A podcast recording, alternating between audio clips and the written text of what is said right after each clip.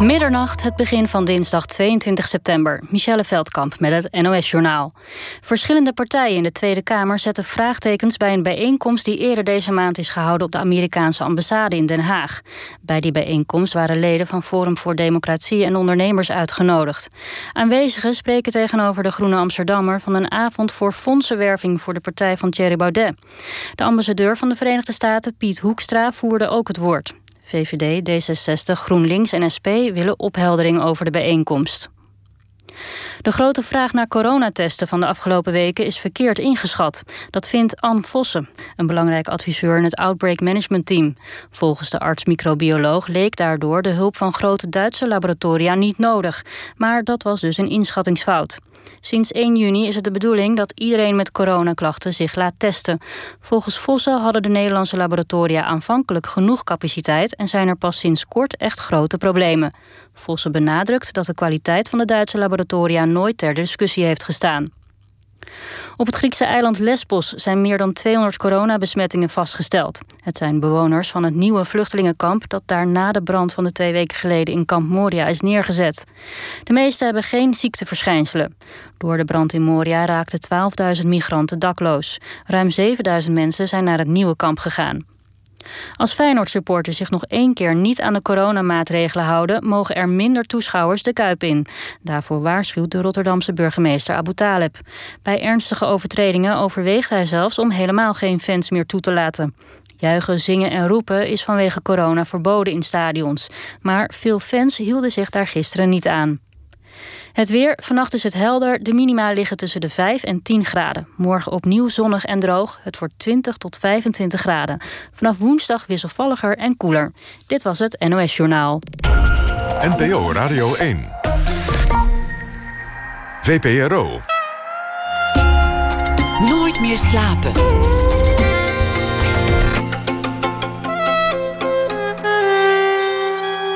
Met Pieter van der Wielen. Goedenacht en welkom bij Nooit meer slapen. Het Nederlands Filmfestival staat weer voor de deur. Iets anders dan voorheen vanwege Ugge corona. Geen lange rode lopers vol uh, mensen in glinsterende jurkjes en vooral geen overvolle zalen. Maar het festival komt dit jaar naar u toe, online en in theaters door het hele land. De openingsfilm, gemaakt door Etje Yanga, heet Boulado. En dat betekent zoiets als vliegen, opstijgen, het moment dat je de zwaartekracht al dan niet tijdelijk achter je laat. Een film grotendeels gespeeld in het Papiaments, speelt zich af op Curaçao. En Felix de Roy, die tegenover mij zit, speelt een belangrijke rol. Felix de Roy, een man op zichzelf, kunstenaar, schrijver, regisseur, curator, theatermaker en heel veel meer. En in deze films spelen thema's die hem zijn hele leven al bezighouden. Oude tradities en verhalen van tot slaafgemaakte en oorspronkelijke bewoners van het eiland, kolonialisme, de dood, het hiernamaals en het voortleven. Felix de Roy, geboren in 1952, won ooit op datzelfde festival een gouden kal voor zijn eigen film Ava en Gabriel. Werkte veel in Nederland, maar ook in Suriname, op Curaçao en in New York. Welkom Felix. Dank dat je wilde komen. Dankjewel Pieter, ik ben daar heel benieuwd. Het is me een eer om je te mogen ontvangen. En, uh, ik ben blij dat je wilde komen. Je ziet er heel anders uit dan in de film. Je ziet er uh, fris gekapt en nou ja, min of meer geschoren uit. In de film zie je eruit als een, uh, ja, als, als, als, een, als een beetje een verwilderde man. Ja. Een lange baard met lang haar. Wat, wat moest je doen om er zo uit te zien? Of is dat gewoon een kwestie van even door de griem? Nee, nee, nee, is helemaal geen griem. Uh, de rol van Weo, die is geschreven, eigenlijk op het lijf geschreven door Esther Duisker voordat ik het script las, had zij dat al geschreven met mij in, het in, in, in gedachten. Zij dacht al, hij moet dat spelen als, het, als het af is. Ja, ja, ja. En, dus het gaat in die zin misschien ook een klein beetje over jou indirect. Ja hoor, het is echt, uh, wat, wat, sommige dingen betreft, is het echt op, op het lijf geschreven. Maar toen ik het scenario las, vond ik het heel interessant. Maar het was in het Nederlands. En toen zei ik van nou, ik vind het wel een interessante rol. Op één voorwaarde dat ik het in papiaments doe. Omdat in het verleden zijn er films gemaakt op Curaçao die, of in het Engels. Uh, ja, beide grote films zijn in het Engels gemaakt. En dat had ik toch altijd een beetje moeite mee. Ik vond het een soort, uh, hoe moet je dat zeggen? Een soort culturele travestie. Doen alsof je een andere taal spreekt. Ja, ja of een andere om taal andere- spreken om, ja. om zogenaamd een, Curaçaoenaar te zijn. En je spreekt Engels. En ik denk ook, de mensen krijgen dan die die geschiedenis niet kennen. Die denken ook van Curaçao, nou, dat is een Engelstalig eiland. Hebben de Engelsen hebben dat gekoloniseerd. En dat vind ik eigenlijk echt te gek voor woorden. Want Maar- bij mij weten is het, is het niet eerder gebeurd, of in ieder geval niet vaak, dat een film in het Papiaments gespeeld op een groot festival in Nederland wordt vertoond. Nou, nee, mijn eh, beide films, Almacita, Di Desolato en Ave en Gabriel, die hebben wel op eh, in festivals in Nederland gespeeld en zijn ook nog de hele wereld rondgegaan. Ik heb ook voor beide films eh, internationale prijzen gewonnen. Maar om even terug te gaan naar Weor, toen ik dat las en ze zeiden van ja, oké, dat is prima. Je, Jouw rol gaat in ieder geval in papiaments. Het kan best zijn dat eh Huira, de vader, ehm, gespeeld door eh, Averon Hoy, eh, dat die af en toe Nederlands spreekt met zijn dochter. Maar uiteindelijk is het Nederlands ja, heel zelden gebruikt in de film. Hij sp- spreekt toch ook wel papiaments met zijn dochter. Maar toen ik begreep van oké, het personage van die man, toen dacht ik van nou, ik moet me gewoon niet meer scheren. Eh, totdat eh, de, op, tot de, de opnames voorbij zijn. En een soort, eh, hoe noem je dat? Method acting was dat. En na ongeveer zes, zeven maanden, zo rond te lopen, begonnen mensen mij aan te spreken met Felix, gaat het wel goed met je? En ben je niet aan de drugs? En op straat eh groetten de daklozen mij. Die zagen in mij een soort... Een soort eh, herkenning. herkenning, ja, ja. En in de tram zat ik meestal alleen. Want er waren heel weinig mensen die naast mij wilden zitten. Terwijl ik gewoon meestal ruik naar hele... naar Chanel. Dat, Ja, niet veel aan de hand. er is niet veel aan de hand, maar je merkt toch hoe visuele prikkels vooroordelen oproepen bij mensen. Ja. Ik stel voor dat we niet de hele film gaan bespreken. Want dat, dat is altijd zo ingewikkeld om Ja, dan ja. Mm. te luisteren naar een film die, je niet, eh, die, die, die de luisteraars nog niet hebben kunnen zien. En misschien verpesten we die film dan ook wel Mm. een beetje. En dat zou zonde zijn, want ik, ik vond het wel echt een, een, een mooie film. Maar een paar thema's die erin voorkomen kunnen we wel bespreken. Maar ik, ik zei, er zijn niet vaak, bij mijn weten, films in het papiaments vertoond op festivals. Toen corrigeerde jij mij, want je zei, mijn films zijn altijd wel vertoond. Maar het, is in jouw loopbaan wel een, een thema. Ik hoorde je gisteren bij Mondo op tv vertellen dat dat nog wel eens dat werd afgewezen. Dat mensen zeiden, ja, dat is, dat is geen alge- algemeen beschaafd Nederlands, dus dat, dat kan niet. Ja, dat klopt. Dat was bij eh Almacita di Desolato. Dat is een film die is geïnspireerd op eh, de mythologie van de tot slaaf gemaakte. En die zijn, dat zijn allemaal volksverhalen en, en, en, en liederen. Die zijn door twee zeer bijzondere mensen verzameld vanaf de jaren 50. Dat was Alice Juliana, dat is ook zelf een dichter en een performer. En een, een beeldend kunstenaar. En eh, Pater Brenneker. Paul Brenneker. Die zijn samen op pad gegaan. Die hebben met een eh, oude tape recorder de mensen geïnterviewd, de verhalen eh, opgenomen, de liederen opgenomen. En die hebben ze eh, verzameld in een eh, collectie dat heette Zikinza. En er worden nu, wordt Zikinza ook door Antilliaanse muzici gebruikt als een soort inspiratiebron van hun roots. Ja. Nou, en aangezien die film dus helemaal in papiaments was, eh, kwamen we dus bij de, het Fonds van de Nederlandse Film om een subsidie aan te vragen. En toen eh, zei een van die mensen van het, eh, van het fonds van ja, meneer de Rooij, daar hebben we echt problemen mee. Een film in het papiaments, want eh, wij zijn dus fonds voor de Nederlandse film. En onder Nederland verstaan wij ons rijk in Europa, waar algemeen beschaafd Nederlands wordt gesproken. Gewoon even vergeten dat dit ook bij Nederland hoort eigenlijk. Ja, ja zeer zeker. Zeer zeker. Was, ik voelde me ook echt wel eh, gekwetst en heel geïrriteerd. Maar mijn partner toen de tijd, eh, Norman de Palm, die is ook schrijver, psycholoog en eh, producent. Die schopte me zo tegen mijn benen, want hij wist dat ik best wel af en toe heel heftig kan zijn. Van Felix, hou je, Hou je gedijst. Hou je gedijst, ja. Uiteindelijk hebben we wel het geld gekregen, ja. Maar dan is dit toch een mooi moment. Dat, dat het festival nu opent, opent ja. met een film in het papiaments. Ja, zo zie je maar uh, hoe de wereld kan uh, veranderen. Want bijvoorbeeld in uh, de Vanity Fair van september is er een heel mooi artikel over. hoe heet ze? Um, eh, zij was uh, jaren geleden was zij de grote terrorist van de FBI. Um, met die grote afro. Uh, Angela Davis. Angela Davis, ja. En die is nu, na 50 jaar, na dato is een, een soort icoon geworden. Dus het kan veranderen in een mensenleven. Dingen kunnen veranderen. Dingen kunnen veranderen, yes. Curaçao is op, op een gekke manier. Ja, wordt vaak vergeten dat het deel is van dit koninkrijk. Dat het gewoon Nederland is. Het is mm. toch een beetje het bastaardkind van het, van het koninkrijk. Zou je kunnen zeggen. Ja, helemaal mee eens. En dat is al heel lang aan de gang. Ja, daar heb ik zo mijn, een beetje mijn theorieën over. Ik denk in de tijd van het kolonialisme en de slavernij gebeurde dat ook allemaal aan de andere kant van de oceaan, ook in Suriname. Dus voor de mensen in Nederland zelf was het een beetje een ver van mijn bedshow.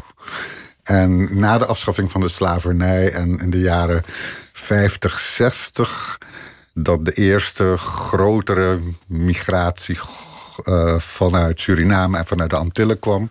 Hier hadden ze het ook best moeilijk. Want het was een heel dubbel gevoel. Want hier komen gekleurde mensen van een rijksdeel aan de andere kant van de oceaan.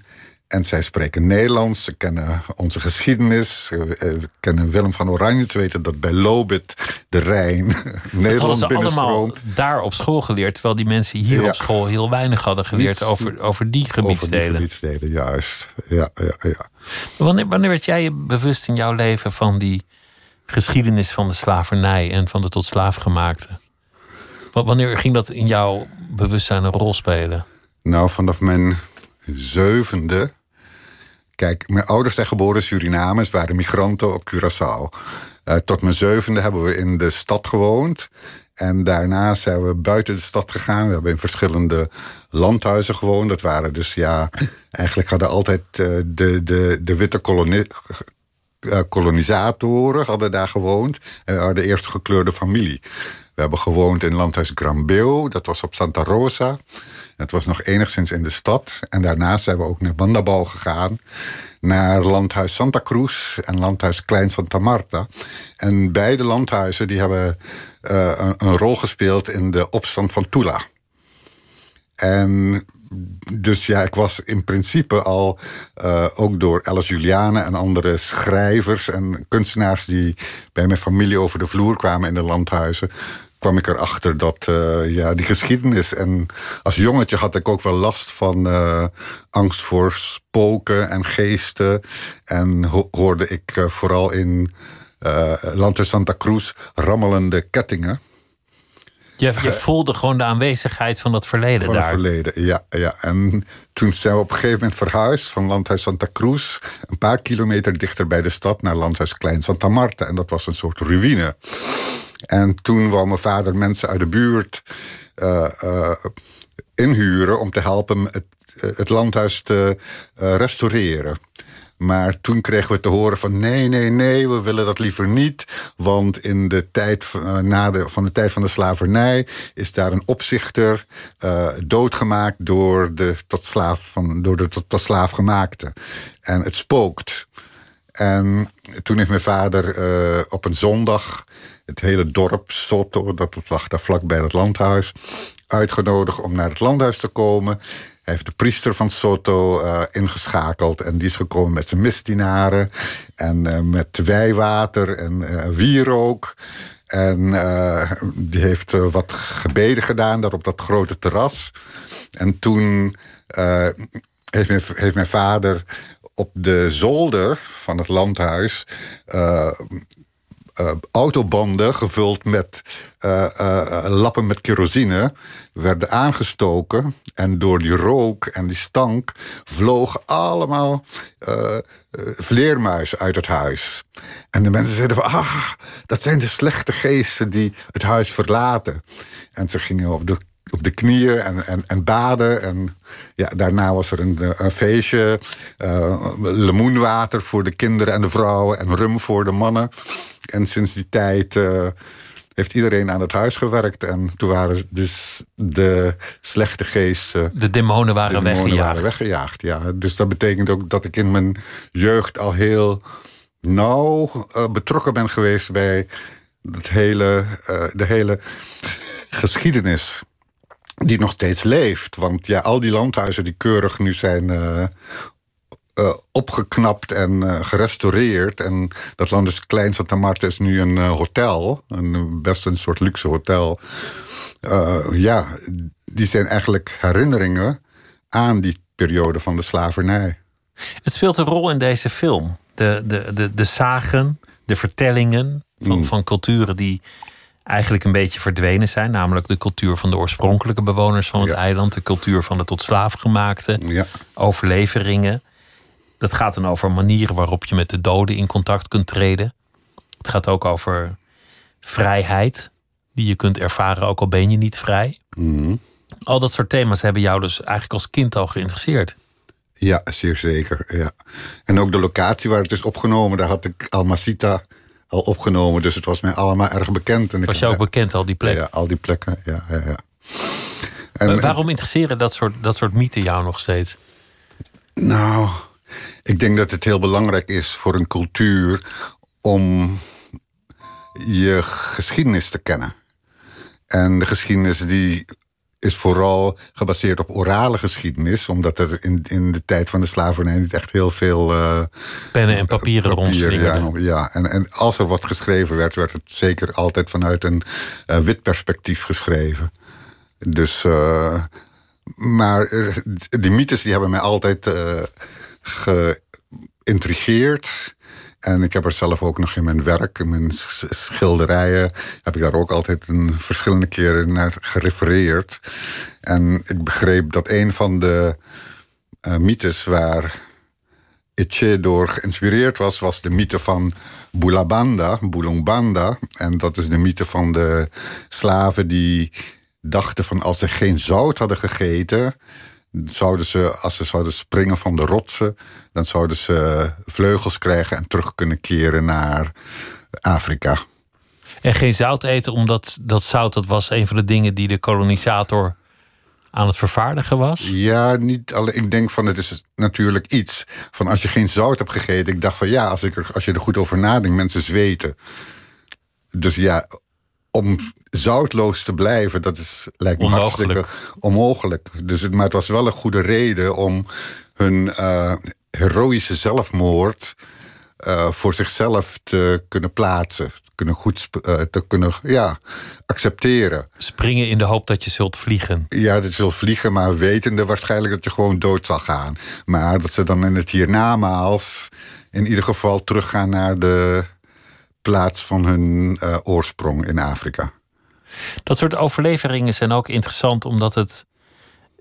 Voor, voor een deel gaat het ook over het vernietigen van culturen. Slavernij. Mensen werden uit elkaar geplaatst. Ja. Hun tradities waren gevaarlijk, want dat kan leiden tot opstanden, tot een identiteit. Dus dat, dat werd allemaal moedwillig en opzettelijk en geraffineerd kapot gemaakt. Ja, maar ze, ze hebben het toch niet helemaal kunnen doen. Want eh, bijvoorbeeld op Curaçao is papiamento ontstaan.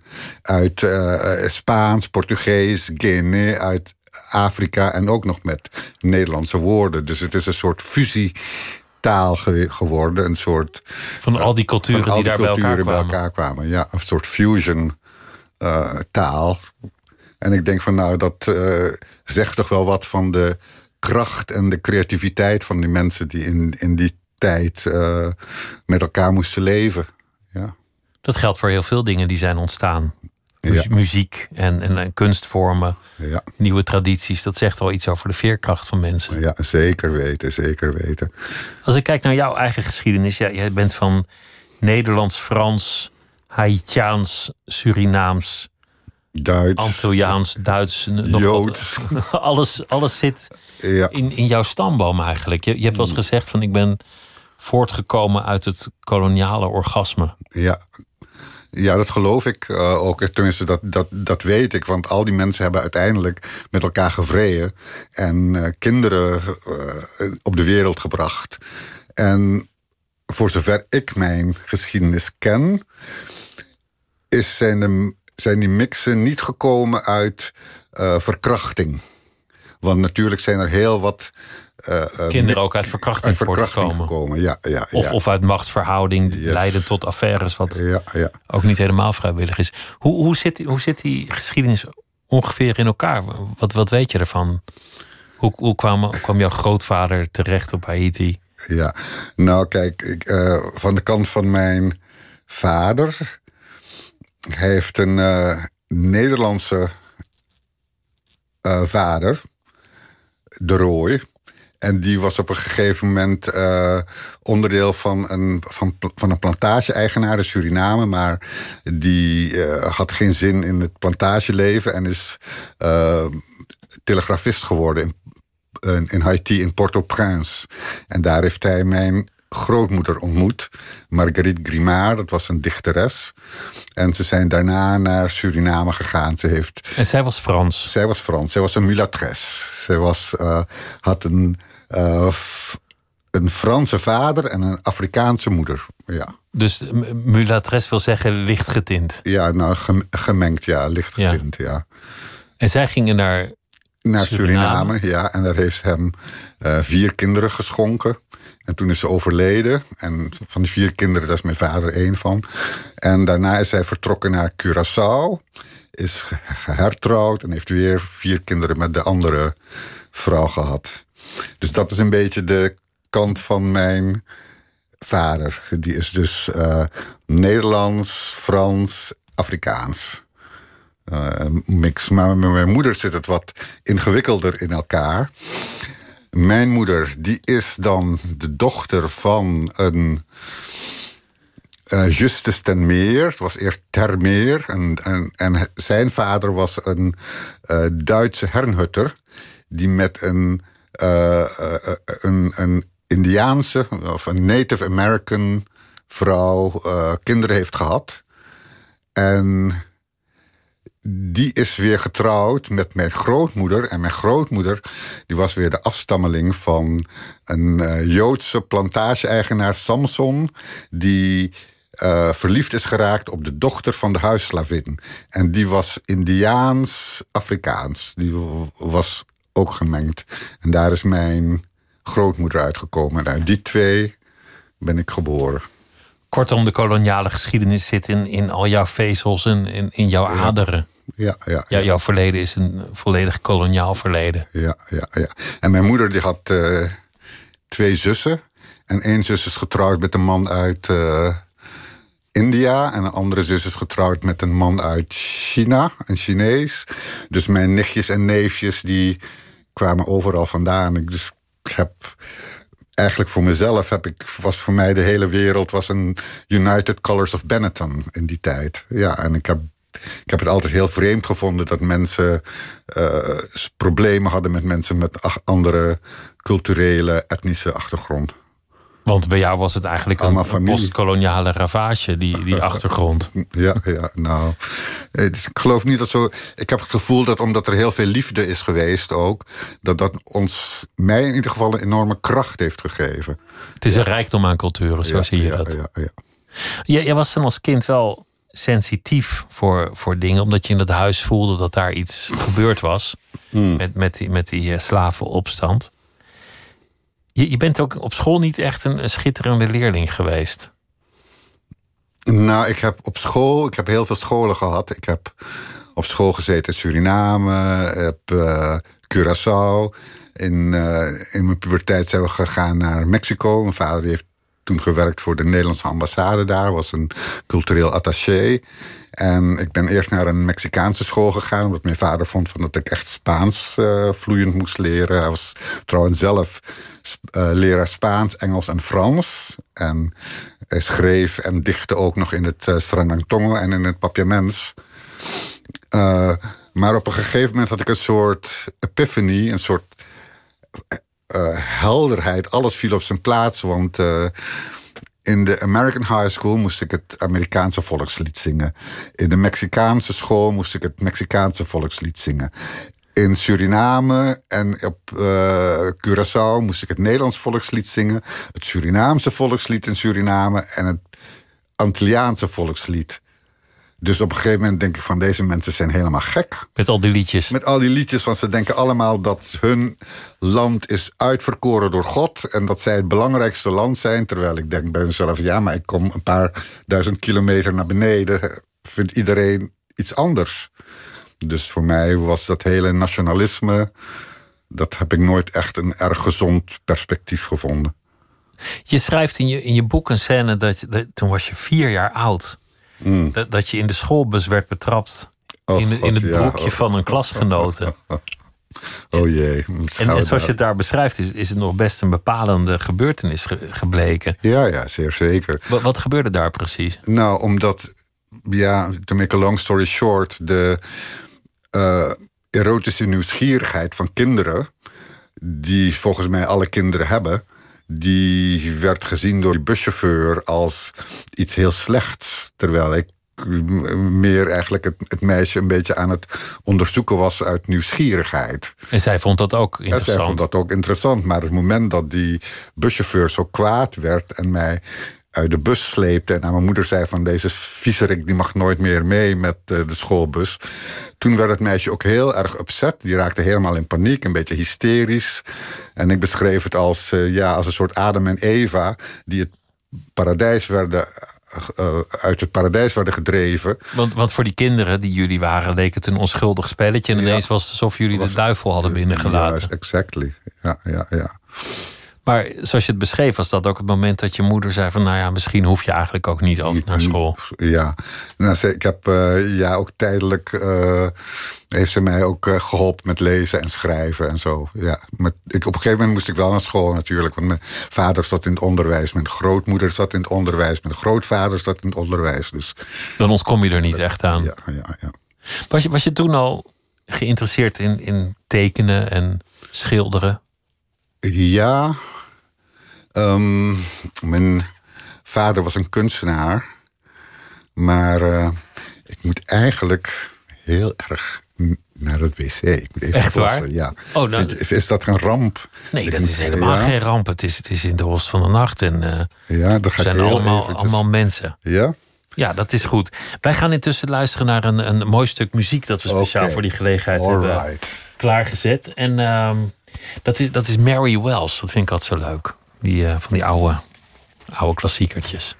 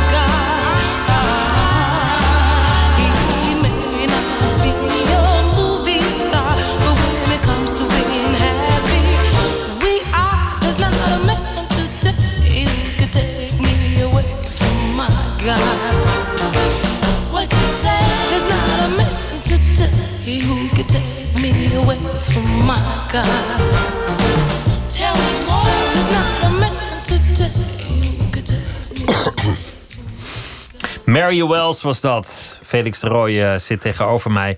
Kunstenaar, schrijver, regisseur, curator, theatermaker en nog heel veel meer dingen.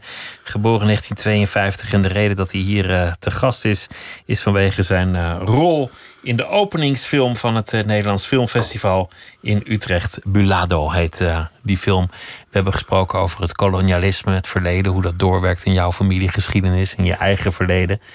En zo kwamen we terecht bij het incident toen je vier was in de schoolbus. Waardoor eh, de leraar gegriefd was en jij als een soort Adam en Eva met een klasgenootje uit het paradijs werd verjaagd. En eh, toen vroeg ik of je toen eigenlijk al geïnteresseerd was in tekenen, schilderen. Of dat, of dat eigenlijk gewoon vanzelfsprekend was dat je dat zou gaan doen in je leven. Nou, mijn vader maakte in zijn vrije tijd beelden. Eh, wat redelijk abstracte beelden. En hij schilderde ook. En ik denk wat heel belangrijk was, is dat we toen we in landhuis Grambeel woonden, dat was een beetje dichter bij de stad. Toen had ik een nachtmerrie dat eh, er een witte man, heel mager, een beetje gelig gezicht, met een hoge hoed, in een zwart pak en een wit, eh, zo hoge witte, eh, hem met een hoge witte kraag. Die kwam door klapdeuren, want in het landhuis waren de deuren naar de slaapkamer toe, waren een soort klapdeuren als, de als een soort saloondeuren. En hij kwam dus eh, door die deur en hij eh, ging bij mij op het bed zitten, op de rand van het bed. En hij keek me zo aan. En ik begon te gillen en te schreeuwen. En eh, toen stond hij op en liep weg. En mijn ouders kwamen kijken van wat was er nou met mij aan de hand. En ik vertelde ze dat er een man, een beetje als een doodsgraver met een hoge zwarte hoed, binnen was gekomen en eh, op mijn bed had gezeten. En toen zei mijn vader van, weet je wat Felix, morgen als we uit school komen, dan eh, eh, beschrijf je hem helemaal voor mij en dan schilder ik hem voor je. En dan is hij vastgelegd op het doek en dan kan hij je nooit meer kwaad doen. En dat was eigenlijk ja, een enorm wijze therapie in mijn ogen. Van hé, hey, je kan je, angsten. Ja, je kan je angsten eh, visualiseren. En als je ze visualiseert en je onder ogen, dan, dan kunnen ze je geen kwaad meer doen. Dus ik denk dat dat hele diepe indruk heeft gemaakt op mijn psyche. Ja. Maar het is niet zo dat je altijd uit, uit angst hebt geschilderd. Dat, dat al je werk over, over vrees of, of dat soort dingen Nee, gaat. zeer zeker niet. Maar wat ik wel merkte, dat voor mij eh, schilderen en tekenen was vooral een uiting van mijn eigen psyche. Dus toen ik op de academie zat in Den Haag, noemde ik mijn stijl psychisch realisme. Natuurlijk ook met wat inzicht van de nodige eh, drugs die ik eh, heb leren kennen. Maar ik merkte van ja, kijk, dat is eigenlijk de beste manier om jezelf te leren kennen. Het is een soort eh, auto-analyse. Zo mooi, als je zo'n stroming bedenkt, psychisch realisme, het klinkt heel mooi, dan zou je eigenlijk ook heel veel kunstenaars die ver voor jou leefden en werkten daar ineens onder kunnen Onder scharen. ja, Frida. Kahlo, de bekendste, denk ik. Ja, ja, ja. dat zou ik ja. ook psychisch realisme noemen. Ja, ja nou, ik voel me ook zeer verwant eh, aan eh, Frida Kahlo en de fotografen. Ehm, even kijken hoor, ik ben af en toe vreselijk met eh, eh, Diana Blok. Oh ja, Ja, ja. Die had een, eh, een project voor het Theatermuseum. En dat bestaat, bestaat niet meer, het Theatermuseum. Maar waar ze acteurs en actrices vroeg. Om zich te laten fotograferen in de opposite gender. Dus alle mannen moesten als vrouw en alle vrouwen moesten als man. En voor mij was dat geen enkel probleem. Ik zei onmiddellijk van ja, ik wil Frida Kahlo zijn. Ja. Had natuurlijk was in, in Is- is- Mexico ja, bij- zijn bij haar huis geweest, de Casa Azul en zo. Dus eh, ja, ik had wel enigszins inzicht in die vrouw. En een soort verwantschap als, als kunstenaar. Je, je bent filmgemaker. Wa- Was dat voor het eerst in New York dat je me, dat ging doen? Of hoe is dat gegaan? Nee, nee, nee. Ik had een. eh, ik heb nog steeds een hele goede vriend. Een eh, Joodse vriend van de, een beetje de Joodse elite van Curaçao. En eh, toen ik terugkwam uit eh, Nederland, na de academie, na de Vrije Academie, vroeg hij mij om eh, een soort art director te zijn voor een, eh, een 8 mm film. En dat vond ik best wel leuk. Daarna heb ik zelf met hem een 8 mm film gemaakt. Every Picture Tells a Story. En daarna heb ik een andere film gemaakt, eh Apocalypse, over een, een, een, een kunstenaar die eh, zichzelf eigenlijk vernietigt door het feit dat zijn homoseksualiteit niet eh, eh, een balans kan vinden met zijn christelijke opvoeding. Ik heb ook nog een. Vlak voordat ik naar Amerika ging, een documentaire geregisseerd. cultureel mozaïek. En daar ben ik eh, alle eilanden van de Antillen eh, rond eh, geweest. om, om vooral de, de kunstenaars, de theatermakers, de, de dichters te combineren in die, in die film. En omdat ik die film op 16 mm was geschoten, bleek het in New York toen ik me daar ging, hoe dat, aanmelden, zeiden ze van nou, ik hoef niet het eh, eerste jaar te doen van de graduate film department. Ik, had, ik kon al meteen in het tweede jaar terecht. Dus en mijn eh, klasgenoten bleken Spike Lee en Ernest Dickerson te zijn. Eh, ja. Heb je nog contact met, met Spike Lee? Nee, dat contact is helemaal eh, verwaterd. Ook Want jullie we- zijn een tijd vrij, vrij hecht geweest, toch? Nou, hecht, hecht. Ik heb gewerkt aan zijn eh, afstudeerfilm van, de, eh, van NYU. eh Joe Bet Stuyvesant, We Cut Heads. En daar was ik de production designer. En hij zou dan eh, voor mijn afstudeerfilm Desiree... zou het geluid doen. En hij is precies één keer gekomen. Want eh, het was een, een scène die werd gedaan in een Santeria-kerk in East New York. En de avond tevoren hadden ze een ritueel gehad. En hadden ze een kip geslacht. En in de badkamer waren nog eh, veren en een, dood, eh, dode kip. Die, die dobberde daar in het water. En er was bloed daar op de, eh, op de deurpost. Op de drempel, deurdrempel. En Spike die kon daar helemaal niet tegen. Is ook nooit meer verschenen. Wat ik hem erg kwalijk heb genomen. Want ik zat in een studentenfilm. En ik moest van alle kanten iemand anders, andere mensen vinden die het geluid wilden draaien. Omdat hij eh, Het liet afweten. liet afweten, ja. Dus, eh, Op zich een heel mooi verhaal als je het nu vertelt. ja, maar dat heeft natuurlijk een beetje een, een, een schism gebracht tussen ons. Ook door het feit dat ik. Mijn standpunt was van. Waar zijn jullie mee bezig in de Verenigde Staten? Iedereen die maar een beetje zwart bloed heeft, die noemt zichzelf black. En ik zeg van eigenlijk is die one-eighth drop. Ik zeg dat heeft te maken met de. eh, eh, hoe noem je dat? De Jim Crow laws. Die one drop rule, zeg One maar. drop rule, ja. Dat betekende dat eigenlijk als je nog één achtste eh, eh, Afrikaans bloed in je aderen hebt, kon je verkocht worden. Dus ja, ik denk van wat is dat nou? Want je hebt dus dan ja, een Afrikaanse zwart persoon. Meestal is het een vrouw. Die, die wordt dan verkracht door een witte man. Die maken dan een mulatto. En als die mulatto weer, die, die mulatto vrouw weer verkracht wordt door een eh, wit iemand, dan is het een quadroon. En als die weer verkracht wordt, dan is het een octoroon. En zelf het feit als je een octoroon bent, kon je dus verkocht worden.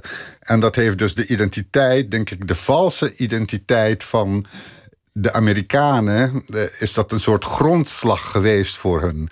En het is natuurlijk te verwijten aan hun, maar ook te verwijten aan de witte maatschappij, die het feit dat eigenlijk zoveel, dat een octoroon en een quadroon en een mulatto, eh, ja, wit, witte eh, ouders hebben, witte, dat wordt helemaal niet in acht genomen. Dus de, Maar het is eigenlijk in, in, in Nederland in toenemende mate ook zo dat het, dat het gesprek altijd gaat over wit of zwart. Als, Ja. alsof, het, alsof er twee uitersten bestaan. Terwijl de werkelijkheid is dat de meeste mensen ergens in een spectrum tussenin zitten. Ja, want het punt was ook dus bijvoorbeeld...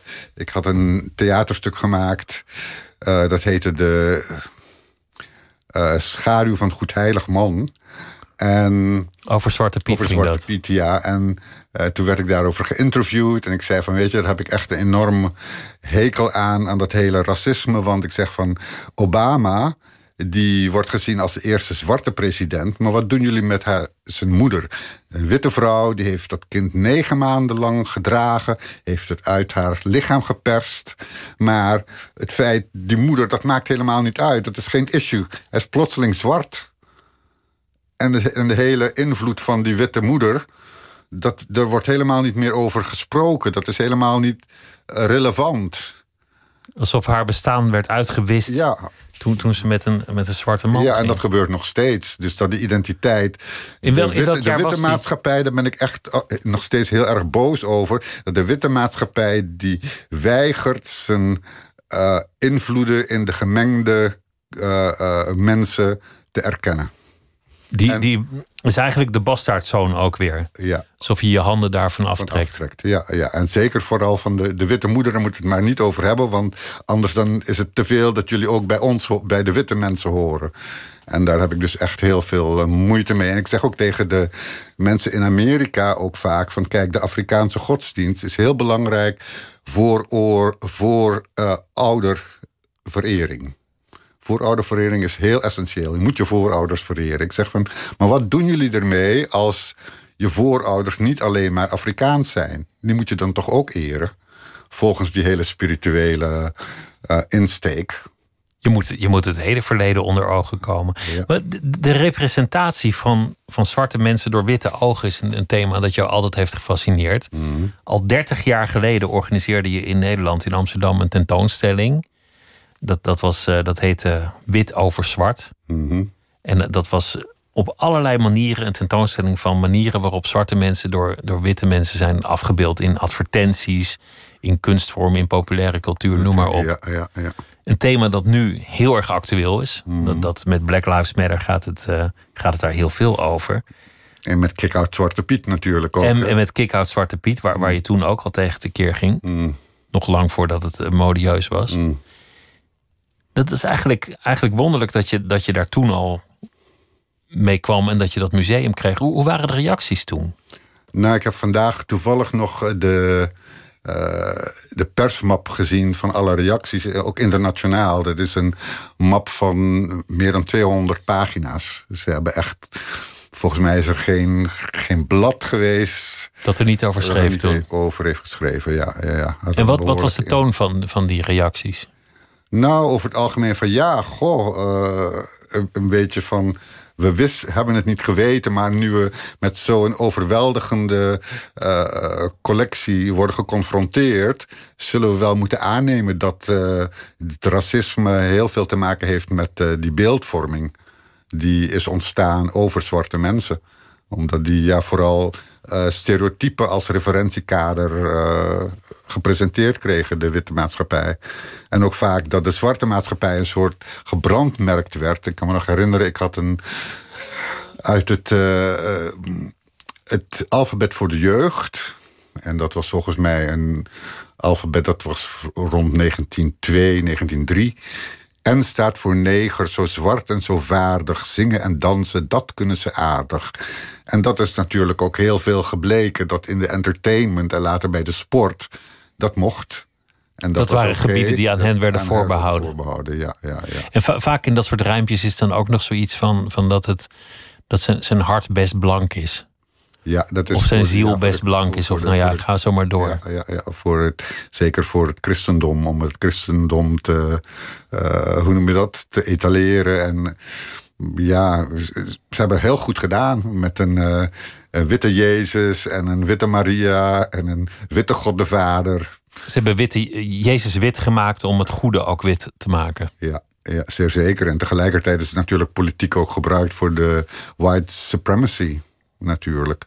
Om, om aan Afrika te laten voelen dat ze ondergeschikt zijn aan. Ja, niet alleen maar Aan Afrika, aan, alle, aan, aan bijna alle kolonies. Ik begreep dat in 19, eh, dacht ik nog in 1911, iets van 85% van de wereld gekoloniseerd was door de, de westerse wereld. Nou, dat is een behoorlijk wat. Ja.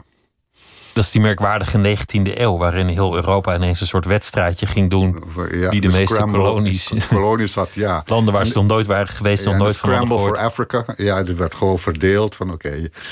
Nou, de Duitsland, Frankrijk, Engeland. eh, die kregen allemaal eh, gedeeltes van eh, het Het, continent. het is fa- fascinerend. Ik, ik zat te kijken naar ehm, een optreden op, op, op YouTube van, van Louis Armstrong. Mm, Ik, ik ben, ben een ontzettend liefhebber van zijn muziek. En de, man- de man is een genie. mm. Maar als je nu kijkt naar, naar hoe hij zijn publiek vermaakte, dan is dat op een bepaalde manier ook pijnlijk om naar te kijken, omdat hij die stereotypen gebruikt. Het, het, het lijkt soms bijna op een, op, op een soort minstrel show. Als hij met zijn ogen rolt en, zijn, en zich soms ook een beetje bijna, bijna kinderlijk vrolijk voordoet.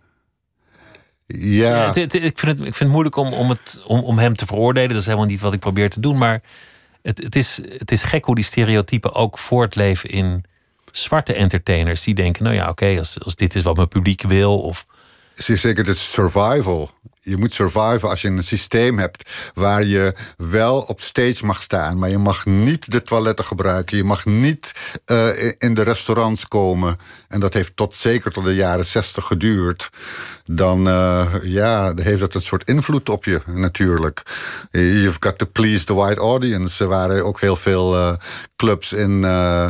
Harlem, waar ja, zwarte entertainers waren, maar die, het publiek, dan mocht er niet in. Zwarte mensen mochten niet het publiek zijn natuurlijk. dus ze moesten hun cultuur bijna verplicht uitdragen aan een ander publiek. ja, ja, ja. Volgens mij is het weer tijd voor even wat muziek.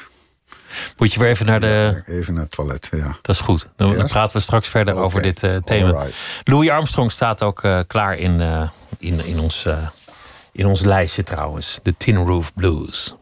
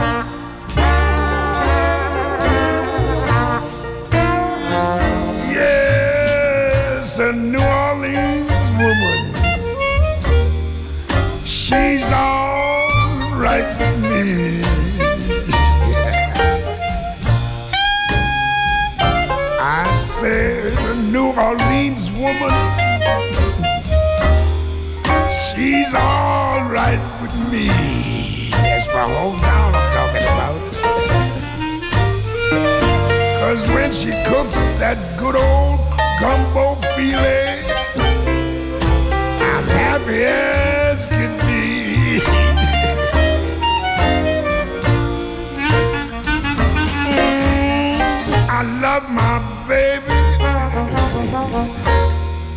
I'm gonna tell you the reason why. Let you know the secret now. Yes, I love my baby. Well, I'm gonna tell you the reason why. Never told you this before. Cause there ain't a chance for her to cut out. She got to stay with me till the day I die.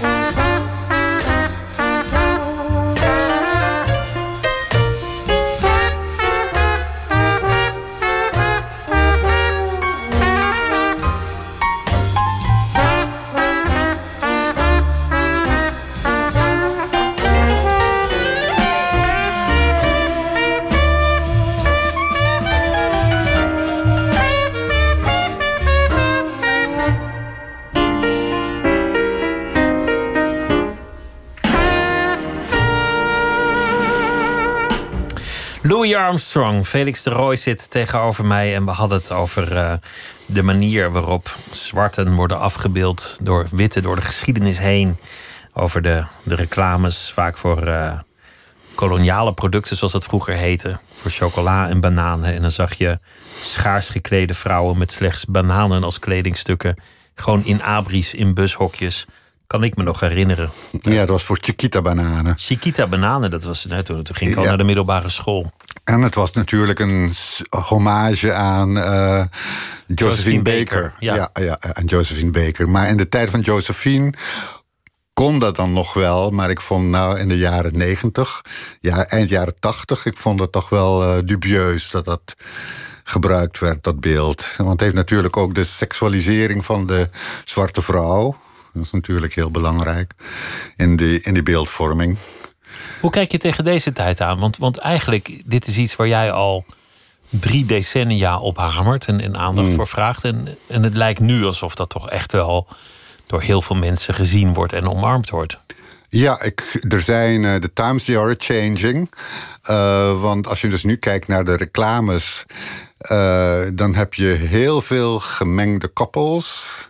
Dus eh, een zwarte jongen, een zwarte man en een witte vrouw, of omgekeerd. En, en, eh, eh, een zwarte vrouw met een witte man. En je hebt heel veel gemengde kinderen. Die zijn nu heel erg in de mode. Die, allemaal die, die bruine krulletjes kinderen. Die vinden hun, hun weg in de, in de reclame. En ja, ook als onderdeel van de familie. Er is ook volgens mij een reclame. Gaat een jongen op stap. En die gaat dan moet zijn, oma, zijn witte oma, eh, ophalen. En, en doet daar allemaal dingen mee. Volgens mij voor een autoreclame of zo. Maar... eh, dat is een groot verschil met in de tijd dat de tentoonstelling er was. Dat toen was er een autoreclame van een gemengd koppel. Een zwarte man en een witte vrouw. En met krulletjes kinderen bij een auto. En de titel, de tekst was... Helaas, je ziet ze steeds vaker.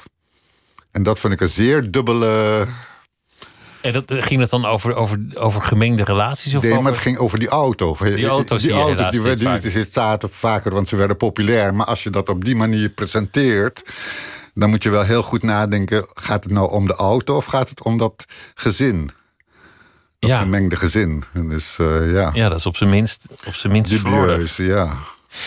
Een, een, een thema in, in veel van je werk en ook in die, die eh, zagen die jou zo interesseren en ook in, in de film, is eigenlijk sterfelijkheid. Mm, De, de, de andere kant van, van, het, eh, nou ja, van het bestaan. mm, De kant waar je nooit zal komen als jezelf, zeg maar. mm. Wa- waarom, waarom heeft dat jou eigenlijk altijd gefascineerd? De dood. Nou, kijk, ik ben een schorpioen. En ik ben ook een draak. En schorpioenen, die eh, zeggen ze, die zijn, die zijn een teken van seks en dood.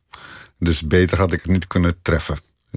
Dus de geboorte en de sterfelijkheid en de vergankelijkheid. Seks en dood zijn een soort van tegengesteld, want je creëert leven, maar tegelijk in heel veel uitdrukkingen de kleine dood, zoals Ja, het ja. in het Frans heet, Ja, ja. Ook, weer, ook weer overeenkomstig. Ja, ja, zeer zeker. Ik denk dat het natuurlijk ook met vergankelijkheid te maken heeft. En ik ben me ja, altijd wel bewust geweest van dat alles vergankelijk is. Ook als, als kind eh, was mij dat wel eh, duidelijk. En ook in mijn latere leven heb ik, ik heb drie keer eh, operaties gehad voor kanker. Dus dan ja, word je toch wel echt bewust van je vergankelijkheid. En ook van dat je iets moet achterlaten. Dat zijn de momenten dat je in die afgrond kijkt en denkt: oh, dit zou zomaar eens voorbij kunnen zijn. Ja, zeer zeker. En, en hoe denk je dan over wat je moet achterlaten? En, wat heb je tot nu toe achtergelaten? Nou, ik denk dat ik mijn, mijn- in ieder geval mijn werk heb achtergelaten. Hopelijk ook een, eh, een soort bewustzijn. En eh, hopelijk dat ik als inspiratiebron kan zijn voor, voor mensen nu en, en, later. Want mijn grote eh, idolen, dat zijn allemaal ja, in, de, in de beeldende kunst en in de literatuur over het algemeen, het zijn allemaal dode mensen. Dus Dat krijg je op een gegeven moment. Er zijn er ook meer van. ja, dus, dus Ik is dat trouwens waar dat er meer doden... Dat weet ik eigenlijk niet. Misschien zijn er nu wel meer mensen in leven dan er ooit geleefd hebben. Dat zou ook kunnen. Nou, hou ik te goede, weet ik niet. Ja, nou. Doet er ook eigenlijk Nee, helemaal maar, maar wat belangrijk is, is dat ik bijvoorbeeld... ik ben door James Baldwin geïnspireerd. Ik ben door Edvard Munch geïnspireerd. Ik ben door eh, ja, zoveel eh, eh, kunstenaars, door muzici geïnspireerd. En dat waren mensen die bestonden niet meer. Maar wat ze hebben achtergelaten, dat heeft mij gevoed. En mij, heeft mij gemaakt de, de mens die ik ben. Je, hebt een, een, eh, een stuk geschreven aan het einde van, van je boek. Dat, dat, dat gaat daar min Ja. of meer over. En misschien is het eigenlijk wel een idee als je dat, als je dat voorleest, als je Oké, wil. ja, als we een beetje aan, zijn nu aan het einde, we zijn het afronden. Dan eh, we go for it. Even kijken. Inhoudsopgave. Oh ja, daar is die. Nou, memento mori. Het hart, een open boek.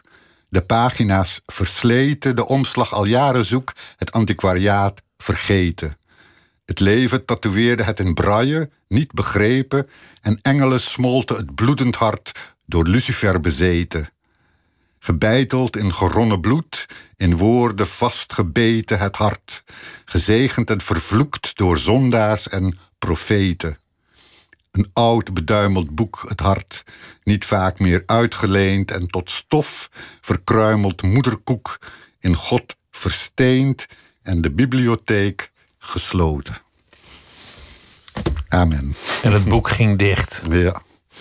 En dan is er vrijdag een, eh, ja, ja, toch, toch een rode loper eh, moment. Een première. V- Vind je, dat, vind je dat eigenlijk nog bijzonder na, na al die jaren? Ah, ja, ik wil niet eh blasé zijn. Het is natuurlijk altijd een hele belangrijke gebeurtenis. En als je er eenmaal bent, dan eh, is het heel, heel, heel leuk en heel bijzonder. Dus daar niet van. Mm, Dus ja, ik vind het heel spannend. Ja, vooral ook eh, vanwege deze film. En vooral ook vanwege die rol. Ik heb sinds eh, de, de film van eh, Frans Wijs, waar ik ook een hoofdrol in speelde, over Boy Ecurie, een verzetsheld hier in Nederland die uit Aruba kwam. Eh, heb ik dat eigenlijk, ben ik eigenlijk niet meer eh, in de film als acteur geweest. Dus het is toch wel weer een eh, belevenis. En het is me heel goed bevallen, moet ik zeggen. Om weer te acteren, om weer voor weer- de camera ja, te ja, staan in ja. plaats van zelf de, Ja, ja, de, de, de maker te zijn yes. van, van zo'n film. En intussen ben je ook al sinds het draaien klaar is. Daarna heb je geloof ik nog wel iets gedaan daar. Alweer hier in Amsterdam en niet, niet op Curaçao. Nee, is, ik ben dus in februari teruggekomen. Ik ben op Curaçao ben ik na de opnames van de film meteen doorgegaan met een theaterstuk Papia over de ontwikkeling, de geschiedenis van het papiaments. Eh, met een cast van drie uit Nederland en twee acteur, een acteur en actrice van het eiland. Ik vond dat heel erg belangrijk om dat eh, te incorporeren. Daarna heb ik een serie gemaakt of een, eh, over de, eh, de heiligen van de Santeria. Dat zijn dus de, ja, laten we zeggen, de hybride christelijke, Afrikaans, inheemse hoe noem je dat? spiritualiteit.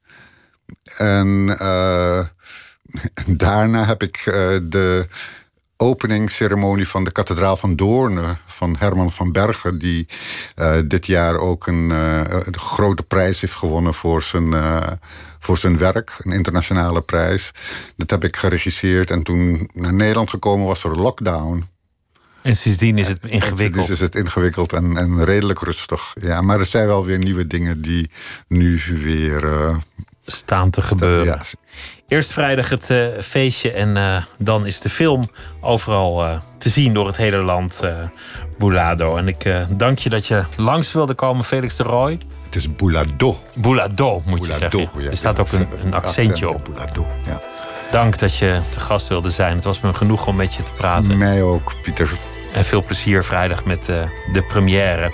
En morgen dan is eh, actrice Karen eh, van Holst Pelikaan hier te gast vanwege de film Buiten is het feest. Voor nu een goede nacht en straks veel plezier met Miss Podcast.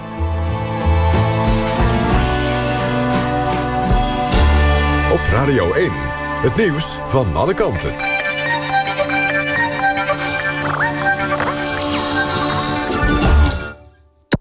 NPO Radio 1. 1 uur, Michelle Veldkamp met het NOS-journaal. De grote vraag naar coronatesten van de afgelopen weken is verkeerd ingeschat. Dat vindt Anne Vossen, een belangrijke adviseur in het Outbreak Management Team. Volgens de arts-microbioloog leek daardoor de hulp van grote Duitse laboratoria niet nodig. Maar dat was dus een inschattingsfout. Sinds 1 juni is het de bedoeling dat iedereen met coronaklachten zich laat testen. Volgens Vossen hadden de Nederlandse laboratoria aanvankelijk genoeg capaciteit en zijn er pas sinds kort echt grote problemen. Vossen benadrukt dat de kwaliteit van de Duitse laboratoria nooit ter discussie heeft gestaan. Verschillende partijen in de Tweede Kamer zetten vraagtekens bij een bijeenkomst die eerder deze maand is gehouden op de Amerikaanse ambassade in Den Haag. Bij die bijeenkomst waren leden van Forum voor Democratie en ondernemers uitgenodigd. Aanwezigen spreken tegenover de Groene Amsterdammer van een avond voor fondsenwerving voor de partij van Thierry Baudet. De ambassadeur van de Verenigde Staten, Piet Hoekstra, voerde ook het woord. VVD, GroenLinks, D66 en SP willen opheldering over de bijeenkomst. De politie heeft twintig rechercheurs vrijgemaakt die zich volledig gaan richten op een verkrachtingszaak in een park in Rotterdam. Daar werd een vrouw begin deze maand door twee mannen misbruikt. De vrouw van 20 was rond half zes middags aan het hardlopen in het Zuiderpark toen ze door de mannen werd gedwongen om de bosjes in te gaan. Daar werd ze vastgehouden en verkracht. De politie van Rotterdam zegt een groot team op de zaak te zetten vanwege de maatschappelijke impact van de verkrachting. Feyenoord moet komende zondag 25 extra beveiligers inzetten die de anderhalve meter maatregel moeten handhaven. Dat schrijft burgemeester Abu Taleb in een brief aan de club. Verder zegt hij dat als supporters zich nog één keer niet aan de coronamaatregelen houden, dat dat consequenties kan hebben voor het aantal toeschouwers dat in de Kuip wordt toegelaten. Het weer. Vannacht is het helder. De temperatuur ligt tussen de 5 en 10 graden. Morgen opnieuw zonnig en droog. Het wordt 20 tot 25 graden. Vanaf woensdag wisselvalliger en koeler. Dit was het NOS Journaal.